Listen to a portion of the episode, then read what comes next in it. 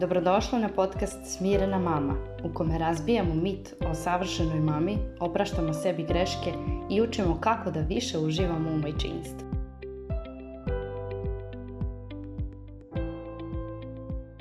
Danas želim da pričam o jednom razlogu od sedam najčešćih razloga koje sam izdvojila u jednom besplatnom vodiču. Ehm, link možeš da nađeš u opisu ove epizode. To je jedan vodič sa sedam strategija za disciplinu bez drame i galame i u njemu sam objasnila sedam razloga zbog kojih dete ne poštuje tvoje granice i kako da to prevaziđeš, kako da e, prevaziđeš te, e, te barijere zapravo, kako da preokreneš situaciju da bi uopšte dete želilo da sarađuje sa tobom, da bi te poslušalo kada je to potrebno, da bi e, postavila neki zahtev ili granicu tako da dete da je dete otvorenije za komunikaciju i za saradnju. ovaj vodič će ti pomoći da na, dnevnom nivou imaš manje borbi sa detetom, da ne mora sve da bude natezanje, ubeđivanje, pregovaranje po pola sata da bi dete, na primjer, obulo patike da izađete napolje ili da, bi, da biste ugasili crtani ili da bi da biste se vratili kući iz parka i sl. Dakle, sve one situacije koje ti oduzimaju dragocenu energiju, a, uz ovaj vodič ćeš moći da, tu, tu imaš alate koji su odmah primjenjivi, dakle odmah možeš da kreneš, e, hvala Bogu imamo dosta prilika da vežbamo sve ovo, tako da u prvoj sljedećoj situaciji možeš da vidiš prvo e, koji je najčešći razlog zbog koga vidiš da imaš borbu sa detetom i da odmah kreneš da primjenjuješ neku od ovih strategija i e, da onda imate lakšu komunikaciju i bolju saradnju. A ja se radujem da mi pišeš o, svojim pobedama, o svojim postignućima na anitamarkovic.smirenamama.com Pošalji mi mail, a, javi mi kako si primenila alate iz ovog vodiča kako ti služi i pohvali mi se nekim e, svojim novim malim pobedama. E, kad kažem malim, ono sve deluje nekako sitno, ali je u stvari sve to velika stvar, jer kad se sve te kao male stvari, sve te sitnice nagomilaju, dobijemo jednu veliku stvar i veliku promenu. E, u današnjoj epizodi ja ću govoriti o jednom razlogu koji se meni često dešava i upravo sam sinoć imala tu situaciju sa decom a to je postavljanje previše zahteva odjedno. Ehm, ja recimo često imam tu ehm, taj običaj da kao krenem, ajde sada, pokupi ovo, evo ove su ti, e, papuče su ti ovdje na sred poda, vrati ih na mesto i onda ovo pokupi, ovo vrati u, u, um, u fioku, a onda posle toga e, vrati ovu čašu na mesto i idi da pereš zube. Znači ja nabrojim 4-5 stvari koje treba dete da uradi. Bukvalno sam i ja sama zaboravila šta sam sve nabrojala, a kamoli moje dete od 5 godina. To sam konkretno starijoj djevojčici izgovorila. A kamo li mlađoj kada to sve nabrojim, ona ne uradi ni prvu stvar. Znači ona ima tri godine i pet mjeseci, znači evo sad će tri i po godine da kažemo. ona ne uradi ni prvu stvar, a kamo li više od toga. Zato što ja mislim da se ona izgubi već posle drugog tog nekog mog zahteva kao uh, uradi to i onda uradi to i dok sam ja nastavila na treće ona već iskulirala ono prvo i otišla da se igra. I to nije zato što ona mene ne poštuje, zato što e, ja nemam autoritet, e, zato što mi nismo konektovane, jer često to mame sa kojima radim i na mentorskom programu i individualno i često imaju običaj da mi kažu imam osjećaj da nismo povezani, zato što kao da me ništa ne sluša ali to u, u, 100% slučajeva nije bilo slučaj sa kojom god da sam mamom radila, ispostavilo se da to uopšte nije istina, već jedno uverenje koje nju u stvari ograničavalo. Gde bi ona stalno mislila nismo povezani, nešto nije u redu sa nama, e, naš odnos nije kako treba i dete mene zato neće da posluša. A zapravo nije se radilo o tome, nego samo o komunikaciji koja je trebalo da se poboljša, načinu na koji ona predstavlja taj svoj zahtev. Jer mala deca nemaju kognitivne sposobnosti da, e, da imaju više tih zadataka u glavi, u smislu ja treba da uradim to, to, to, to i to, prvo ću ovo, pa ću ovo, pa ću ovo, pa ću ono. E, kao što mi odrasli sa zrelim mozgom možemo, jer njihov mozak je tako programiran da može da procesuira jednu po jednu informaciju, znači jednu informaciju odjedno.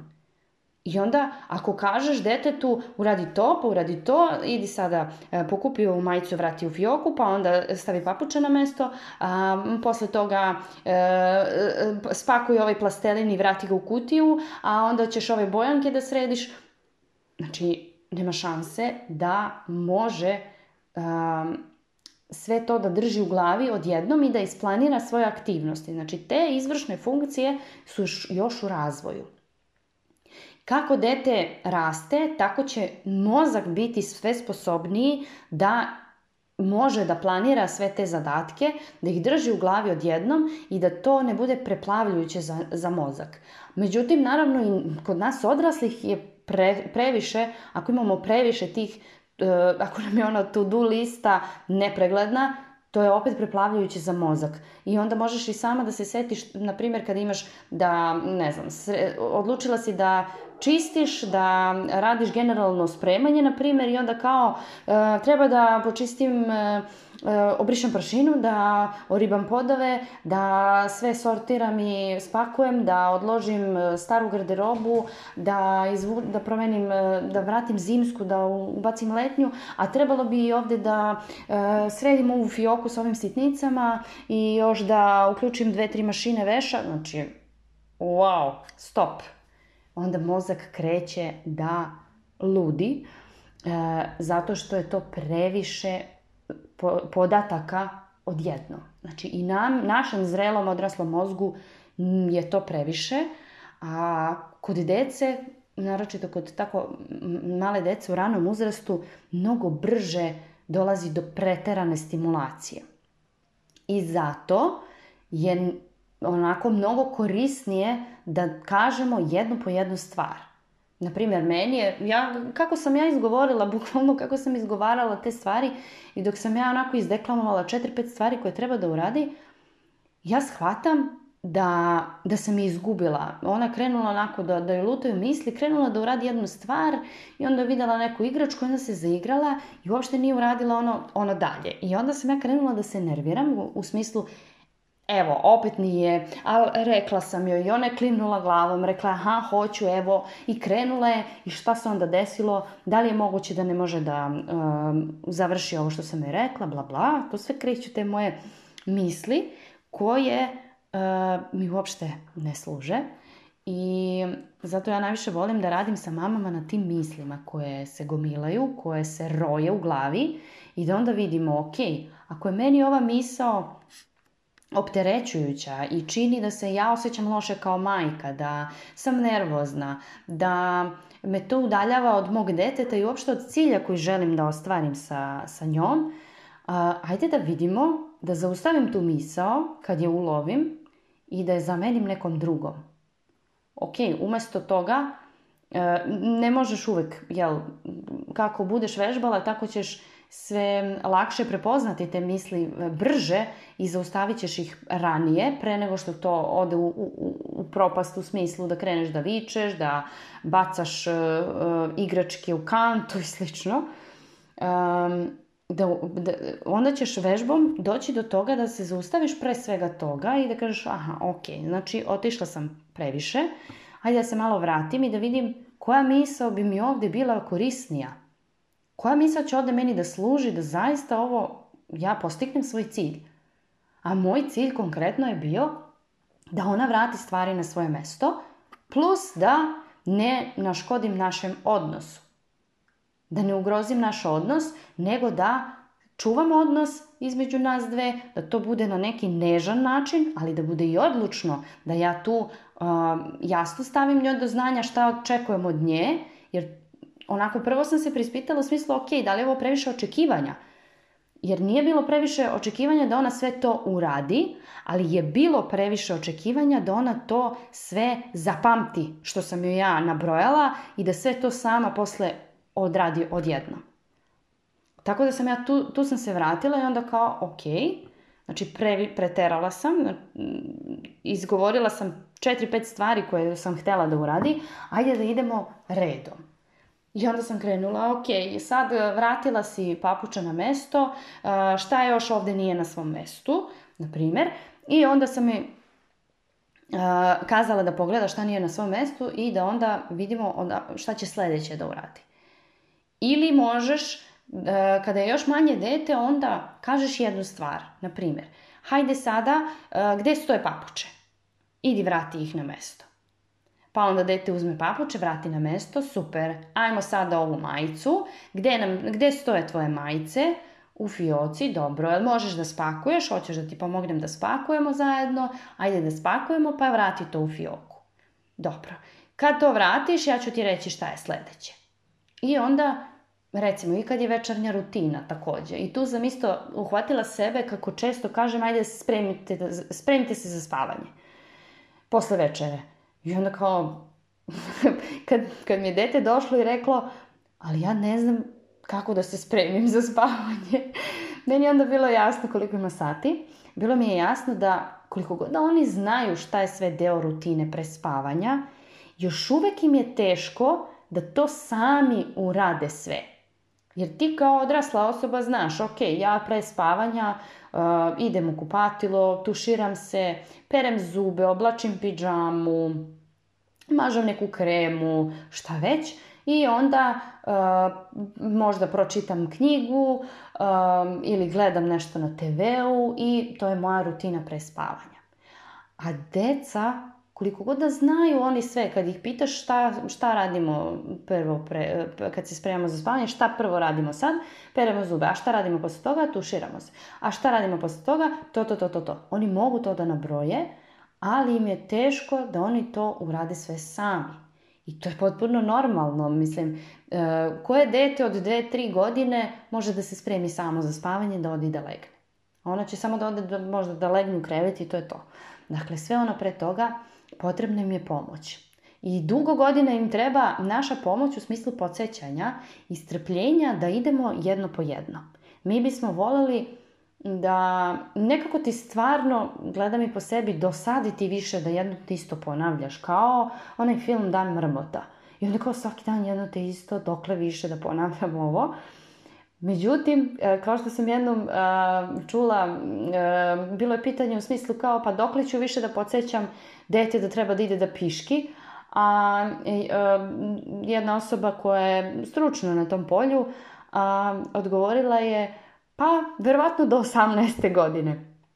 I tako jeste nekako dosta vremena treba detetu da usvoji neku naviku plus da se mozak razvije da može da drži sve to u glavi i da može onda da izvršava te akcije bez nekog našeg angažovanja bez naše intervencije. Mi naravno kako dete raste primjećuješ da sve manje i manje je potrebno da ti e, iniciraš nešto, da ti objašnjavaš, da ti podsjećaš dete, ali je sada tu ključna stvar da samo smanjimo svoje očekivanja, da nam bude jasno koliko je mozak malog deteta sposoban da nosi, da izvršava i da onda idemo korak po korak da imamo više strpljenja za dete koje ne želi namerno da se ne spremi za spavanje, na primjer, ili ne želi namerno da, da joj bude lom u sobi, jer oni na to drugačije gledaju. Njima ne smeta što su stvari po podu, jer njihov mozak uopšte ne razmišlja o tome. I jedna stvar koja mi se provlači kroz sve ovo jeste jedan e, viši cilj, jedan... E, dalekosežni cilj, a to je da, da moja deca ne budu opterećena time da moraju to, to, to, to, to, to, to, jer dok ne urade sve to, nema odmora. Jer upravo sada, u ovom periodu, mi decu učimo da uzimaju vreme za sebe, da odmaraju i na koji način će se obhoditi prema tim kućnim obavezama. A meni je stvarno stalo Naročito zato što su devojčice koje mogu da onda usvoje taj šablon gde žena, e, žena majka e, stiže sve i ima predugačku to-do listu i ispunjava svačije potrebe i e, potrebe svoje kuće, svog doma, održavanja i, i kuće i dvorišta i svega. I ako ostane vremena onda će ona da sedne da odmori. I mi to ne moramo nikada detetu da kažemo, je znaš šta, ne smeš da sedneš dok ne završiš sve, ali ako ono konstantno doživljava to kroz svoje odrastanje, ako konstantno gleda mamu koja ne staje, koja non stop radi nešto i onda ja moram i ovo, ja moram i ono, ja treba ovo, treba ono, koja ne može da se opusti i sedne, iako je oko nje lom, i onda još pritom nam, e, nabija pritisak detetu, ajde moraš uradi ovo, pa zašto je stalno ovdje lom, pa mm, vraćaj stvari na svoje mesto, koliko puta da ti kažem, ne smeš ovako, ne smeš onako. Znači ako se tu, naravno, stoji to da nećemo da živimo u brlogu i da dete mora da nauči da čisti za sobom, da sređuje, da vraća stvari na svoje mesto, ali samo da popustimo malo pritisak oko toga. Jer ako mi svakog dana stalno ponavljamo jedno te isto i stalno dete osjeća tu nervozu, našu nervozu zbog nereda i konstantan pritisak, možda ne u smislu E, da dete to mora da uradi, nego ti radiš umjesto njega i stalno si nezadovoljna i stalno ja sve moram ja, stalno skupljam za vama, ništa ne skupljate za sobom, sve moram sama, neću ni da ti pričam ništa, e, dok ja tebi ispričam ja sam već završila i tako dalje. Sve su to načini e, na koji se u njihov mozak utiskuje taj šablon i taj obrazac. E, znači, ovako se obhodimo prema kućnim poslovima, prema odmoru, prema vremenu za sebe.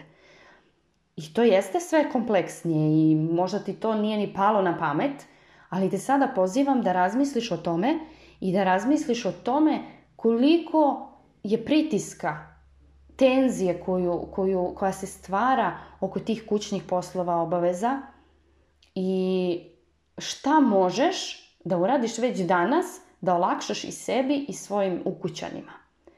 Jedan od načina koji sigurno znaš, to je recimo kad smo pričali o ovoj večernjoj rutini, to je da imaš na zidu zalepljeno, slikovito prikazano, šta je sve deo rutine. Naprimjer, ujutru i uveče. Šta sve onda radimo kad se probudimo, prvo radimo to, to, to i onda zalepiš na zid, odštampaš, možeš da slikaš dete dok radi sve te stvari, ili da nađeš sličice na internetu ili da prosto nacrtaš na primjer sliku četkice i paste za zube, sliku noše i tako dalje. Znači sve ono što dete treba da uradi tokom te neke, ajde kažemo, večernje rutine i da onda pozivaš dete šta sad sledi, ajde da vidimo na zidu šta prvo radimo sada, pa onda ono pokazuje i tako nekako i ono preuzima tu kontrolu i bude zadovoljnije i e, malo se oslobodiš tog pritiska kao mm, ja sam protiv tebe, ja ti govorim šta treba, nego ajmo zajedno da vidimo šta kaže ova, šta kažu ove kartice ovdje na zidu. I to je nešto što može da ti olakša kod, kod male dece, naročito kod dece od godinu, godinu i po, dve, e, oni najviše vole ovo, ove kartice na zidu sa rutinom i taj slikovit prikaz koji će onda njima pomoći da e, više, više budu i samostalni u toj rutini. Druga stvar jeste e, da razmisliš o tome koliko je dete uključeno u te kućne e, poslove, kućne obaveze. Smatram da dete od najranije dobi treba da bude uključeno u to da e, u kućne obaveze u smislu da doprinosi onoliko koliko može i koliko je u skladu sa njegovim uzrastom. Pa tako, dete koje, čak i beba koja puzi, može da dopuzi do kante i da baci pelenu. Znači, kad promenite pelenu, ona, e, e, objasniš joj e, gde bacaš pelenu i onda ajmo da bacimo ovu pelenu, pa dete puzi do kante i onda ubaci pelenu u kantu, na primjer. Ili gde ovo stoji, gde stoji knjiga, gde stoji igračka. Znači, da se da uči od najranijeg doba da vraća stvari na svoje mesto, da nauči gdje šta stoji. Naravno, pre toga treba jel, da stvari imaju svoje mesto, ali ako nemaju, prosto nekad možda i postoji jedna kutija za sve i svašta gdje samo stavljamo stvari da ne budu razbacane po podu. jedna fora koju sam vidjela za malo stariju decu, ajde kažemo od e, tri godine pa, pa nadalje, jeste da imate u jednom delu kuće koji je onako u prolazu, da imate neku kutiju ili korpu Uh, sa, za sve i svašta. I da onda, ako ti raščišćavaš, da ako deca nisu pokupila za sobom, nisu vratila stvari na svoje mesto, uzmeš i pakuješ sve u tu kutiju ili korpu i onda ako te stvari odatle nisu vraćene na mesto, na primjer, nedelju dana, onda ih um, poklanjate nekome ili um, ako je pohabano bacate ili prosto eto donirate i na taj način će deca usvajati tu naviku da čiste za sobom, da sklanjaju za sobom i da, da razumeju da neće te stvari magično da se srede, kao što bi rekla ono kad sam krenula na fakultet shvatio sam da se svi oni sudovi nisu sami prali godinama i da onda podsjećaš dete na to jer mislim da je važno i podsjećati ih u smislu iako kažeš vidi ako ne budete vraćali stvari na svoje mesto, ja ću ih e, ubaciti u ovu kutiju i onda imaju još jednu šansu i ako u narednih nedelju dana ne, e, neke od ovih stvari ne budu na svom mestu, nego budu i dalje u ovoj korpi, onda ću ih pokloniti nekome jer su nama očigledno višak. I onda sutradan ponovo i ponovo i ponovo podsjećati dete zato što vrlo lako može da zaboravi. A naročito ako ni ne zna recimo da, da postoji neka posljedica i onda recimo dete nije pokupilo za sobom i ti kažeš e dobro sad pošto nisi pokupila, e, pokupila, pokupio ja sad ovo uzimam i poklanjam nekom ili bacam u kantu. To nije baš, e, da kažemo, korisno u tom momentu, jer nemamo neku korist, samo možemo da napravimo štetu. Jer nisi unapred rekla, vidi, ako ne budeš skupio ovo, ja ću onda to da pokupim i poklonit ćemo nekome ili e, bacit ćemo ovo pošto stvarno više nije za upotrebu, na primjer. Uglavnom, nađeš neki svoj, e, neki svoju, neki svoju rečenicu, jel? Ovo su sve samo predlozi. Ali ono što je kažem ključno jeste da se dete navikava da učestvuje, da doprinosi svojoj porodici, svom domu. Ja često umem da kažem, hajde Senka doprinesi, um, šta, kako ćeš da doprineseš, na primjer uh, vidi na stolu je sve i svašta, treba da se vrati sve na mesto, kako ćeš ti da doprineseš? Uh, jer smo već pričali o tome. U ovoj porodici svi doprinosimo na svoj način, onako kako ko, kako može. E, tata e, popravlja stvari u kući, e, mama ne mora da bude to ono svačija uloga je samo taj ničija više, ali u smislu evo tata će sada uraditi to, ja ću uraditi to, a šta ćeš uraditi ti, a šta ćeš uraditi ti. Kako ćeš ti da doprineseš sada da ovaj naš dom, ova naša kuća bude čista i uredna? I onda na taj način njima dajemo e, odgovornost i dajemo im pravo da e, budu ravnopravni članovi zajednice. Jer to i jesu. I to i treba da budu i treba tako i da se osjećaju. Jer oni vole, stvarno vole u tom najranijem uzrastu, oni obožavaju da čiste, da brišu prašinu, da ribaju prozore, da e, stavljaju sudove u mašinu, da uključuju veš mašinu, e, da hrane ljubimce. Znači sve ono što se svakog dana radi ne treba da rade samo roditelji. Nego i deca, naravno, e, neće dete od e, dve godine imati odgovornost da izbacuje đubre e, iz kante ili da ima odgovornost da riba podove u kući. Naravno može to kroz igru da radi i da se igra, ali njegova odgovornost može da bude prosto da e, vraća svoje igračke na mesto. Da zatvara e, vrata za sobom ili da se izuva kada uđe u kuću. Znači, uvek ima nekih stvari e, za koje znaš da tvoje dete trenutno može, da ima kapaciteta, da je sposobno, razvojno, spremno, da ih radi i onda napravi spisak svega što tvoje dete može da uradi i polako ga uvodi u to jer će, na taj način ćeš se i ti rasteretiti dete će učiti, e, sticati e, naviku e, da radi, da čisti za sobom, da doprinese u kući, osjećat će se fenomenalno i vaš odnos će moći da se da se podigne na viši nivo, jer ćeš onda ti imati, bit ćeš zadovoljnija kada pomisliš na sve te kućne poslove i kada ne moraš da sve radiš ti umjesto deteta. I mnoge mame mi onda kažu, a mora, ovo moramo da primenimo i na muževe. A, meni je žao što, što je to tako, što se nekako muževi posmatraju kao, no, ono, bukvalno... Um, još jedno dete, kao ja nemam e, dvoje dece, nego imam troje, pošto je moj muž kao dete. Meni se ne sviđa taj pogled, ta perspektiva, zato što muževi nisu deca e, i ne treba tako da ih posmatramo, zato što ako to radimo, onda oni automatski im oduzimamo e, neko pravo da budu ravnopravni članovi naše porodice i naše zajednice i nekako u skladu sa tim očekivanjima e, ni oni se neće mnogo truditi ako vide da, da nemaju dobar feedback sa druge strane. Ali onda u tom slučaju sednemo i porazgovaramo ajde da vidimo. Znači imamo da radimo na dnevnom nivou to, to, to, to, to, to, to. Ja ne mogu ovo više da radim, stvarno mi se smučilo, ajde ti preuzmi ovo, a ja ću ovo, na primjer. Ja sam tako jednom sela sa svojim mužem pre dve, tri godine, kada smo bili u tom nekom periodu kada je meni ono bilo previše svega.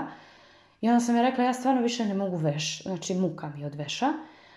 A, ili sudova, ne znam šta je bilo, uglavnom veši sudovi su bili glavna tema, i onda mislim da, da, sudovi su bili. I onda sam rekla, ajde molim te ti brini o sudovima, a ja ću o vešu. Znači moja je dužnost veš, ja ću da pratim, da uključujem mašinu, da kačim veš, da sve. A ti, molim te, sudove sređuj kuhinju, redovno. Znači svaki dan i pritom konkretno šta ja očekujem. Znači, hoću onda da to e, uradiš tako da sve, sve sudove e, središ i da onda obrišeš sve i to je to. Znači, da se dogovorimo ko tačno šta radi. A ja ću onda da e, sortiram veš, da uključujem, znači bukvalno sve. Sve treba konkretno dogovoriti. I onda ću da e, radim sve od pranja veša, od uključivanja mašine, do preko kačenja, do pakovanja u ormara, znači to je moje. A ti onda preuzmi ovo. I tako smo jedno vrijeme funkcionisali. Pa smo ili e, napravimo alarm na telefonu, pa onda jednom ja, jednom ti, jednom ja, jednom ti. Pošto imamo mačke, pa onda čišćenje njihovog toaleta nam je bilo katastrofa naporno i onda pošto smo zaboravljali već to, onda smo rekli ok, ajmo na izmenično jer oboje, ćemo, oboje moramo da ga čistimo e, i onda ajte, ja ću danas, ti ćeš sutra, pa e, znači menjamo se. I tako nekako prosto, mm, ako ne funkcioniše taj jedan način, ok, ajde onda da sednemo, da vidimo koji je drugi način. Naći ćemo neki način. Znači, ako ovo ne funkcioniše za nas posle nekog vremena, imamo pravo da, se, da menjamo, da se predomislimo. Da nađemo neki drugi sistem koji nam odgovara. I kako deca rastu, tako se i vaši sistemi menjaju i unapređuju, a naročito sa porastom broja dece, prosto moraju neke stvari da se prerasporede, preraspodele i da um, se napravi drugačija organizacija. Ali evo da rezimiramo ovu epizodu. Dakle, E, pričali smo o tome, e, o jednom razlogu zbog koga dete često ne posluša ono što smo rekli, a to je kada postavljamo previše zahteva odjednom. I onda sam govorila o tome da je mnogo korisnije da idemo jedno po jedno, da idemo korak po korak i da prvo dete uradi jedan zadatak pa onda da mu damo sljedeći. Prosto zato što njegov mozak nije e, još uvek sposoban da drži sve te informacije i da ih procesuira odjednom. Eh, na kraju sam eh, ti dala nekoliko ideja kako možeš da eh, olakšaš upravo taj, to sređivanje i taj, to vraćanje stvari na svoje mesto što nekako mm, dosta pre, preplavljuje naš nervni sistem i vrlo brzo do, upadamo u ono e, sagorevanje, u burnout i nastaje onda velika tenzija i nervoza oko svega toga i ovo bi bio neki način, e, nekoliko ideja kako da se to e, prevaziđe. E, kada preuzmeš vodič, dobit ćeš sedam strategija za disciplinu bez drame i galame, pored ove jedne o kojoj sam pričala u ovoj podcast epizodi. I ako, ako ti bude potrebno nakon tog vodiča još, ako, naročito nakon posljednje strategije, odnosno razloga zbog koga dete ne poštuje granicu, a to je naše očekivanje da se dete složi sa tom granicom i da, da je prihvati bez, bez um, negodovanja, um, ako ti tu treba pomoć, uh, onda ćeš tu pomoć naći u mom online programu Postavi granice bez drame i galame. To je snimljeni program u kome dobijaš uh, predavanja na, na temu ovih uh, sedam razloga zašto dete ne poštuje granice, o e, tome kako e, proći korake pre tantruma, za vrijeme tantruma i posle tantruma, jer često se tu javlja problem da postaviš granicu i sve bude super, granica je odlična, u skladu sa uzrastom, razvojnim očekivanjima, ali dete negoduje i plače i ima burni izliv emocija, pa onda nastaje problem kako da se mama nosi sa tim, kako da ostane smirena. E, tu dobit ćeš um, alate kako da to prevaziđeš na ovom online programu dobit ćeš e, znanje o tome koje potrebe stoje iza ponašanja deteta i zašto se dete buni, zašto kaže neću, zašto neće da posluša i e, kako da onda e, uspostaviš taj odnos gdje ti namiruješ potrebe deteta pre nego što ono njih izrazi u vidu zahteva i naredbe u smislu daj mi da jedem, uradi to i to, dakle da ti onda preuzmiš voćstvo. E, link za kupovinu programa bit će također u opisu ove epizode. A za bilo kakva pitanja i e, utiske i bilo kakav feedback piši mi na mail na mail anitamarkovic.smirenamama.com a mi se čujemo u sljedećoj epizodi. Ako ti se svidjela ova epizoda, pretplati se na moj kanal da ne propustiš sljedeću epizodu.